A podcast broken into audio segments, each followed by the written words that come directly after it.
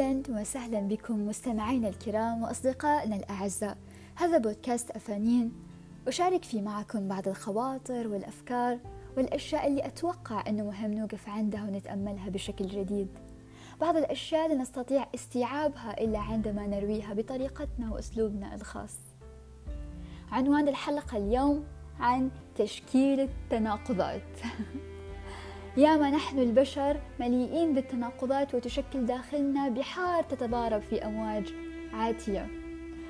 حلقتنا اليوم دعوة لأن نستوعبها ونتحكم بها ونشكلها في شكل يميزنا عن الآخرين. أتمنى تستمعوا لهذه المادة بأكبر قدر ممكن من المعنى.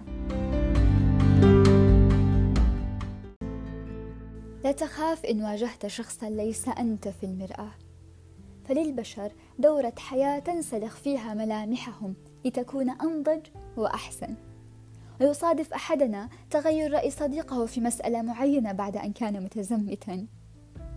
الوقت الذي تتكسر فيه قيود فكرة هي لحظة نمو فريدة وتحول في منعطف الحياة كم أسرت صاحبها طويلا. ولا أسوأ من أن تكون في مساحة أقل من المدى الذي من الممكن أن تصل إليه. أفكارك اليوم هي سماءك التي تحلق فيها.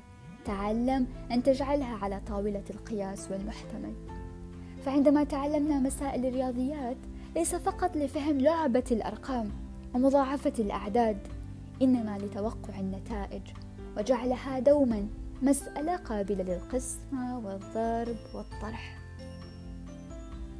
في عبورنا لا بد من السير في دهاليز التناقضات ذات المسارات الوعرة فلا تفزع من أن تتوه أو أن تضعف بل استوعبها بعقل جدلي يناقش جذورها حتى تسقط الثمار أو تذبل الأوراق وتتهشم. وقتها لن تكون في مفرق طرق وتضيعك الظنون بل عندك تلتقي كل المفارقات. أعتقد أن تعرضنا لتناقضات كثيرة أمر سيكسبنا التوازن ومعرفة إيقاع الأحداث.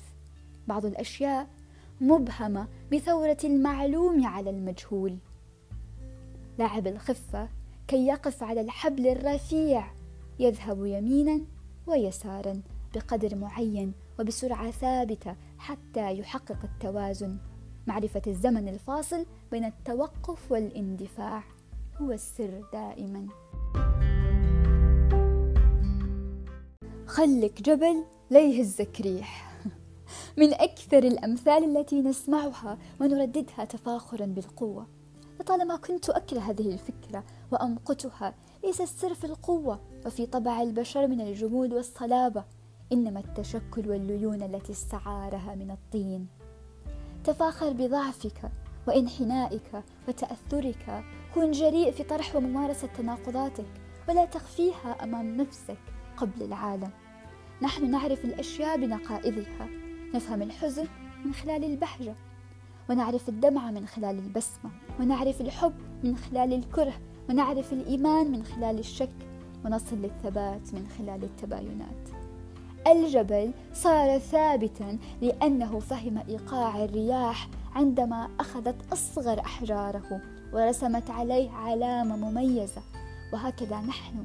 تعصف بنا الرياح لتنحت وتهز فينا أشياء التصقت بنا كثيرا وآن لها أن تتدحرج وتضمحل. قد يكون أثر الرياح فينا كتجاعيد تشكلت على الجبين تبرر النضال الإنساني في الحياة. أو كصوت رخيم عميق بحجم المرات التي ابتلع فيها الصدى. أو شموخ الثقة بعد هزائم المحاولات المتتالية أو كسكون الروح بعد هلع البدايات الثائرة. لكل جزء فيك لحنه الخاص. تعلم فن العزف وألف منك سيمفونية فريدة تشبهك أنت فقط. وتذكر أن النشاز لحن لم يوضع في مكانه الصحيح. ودمتم بخير.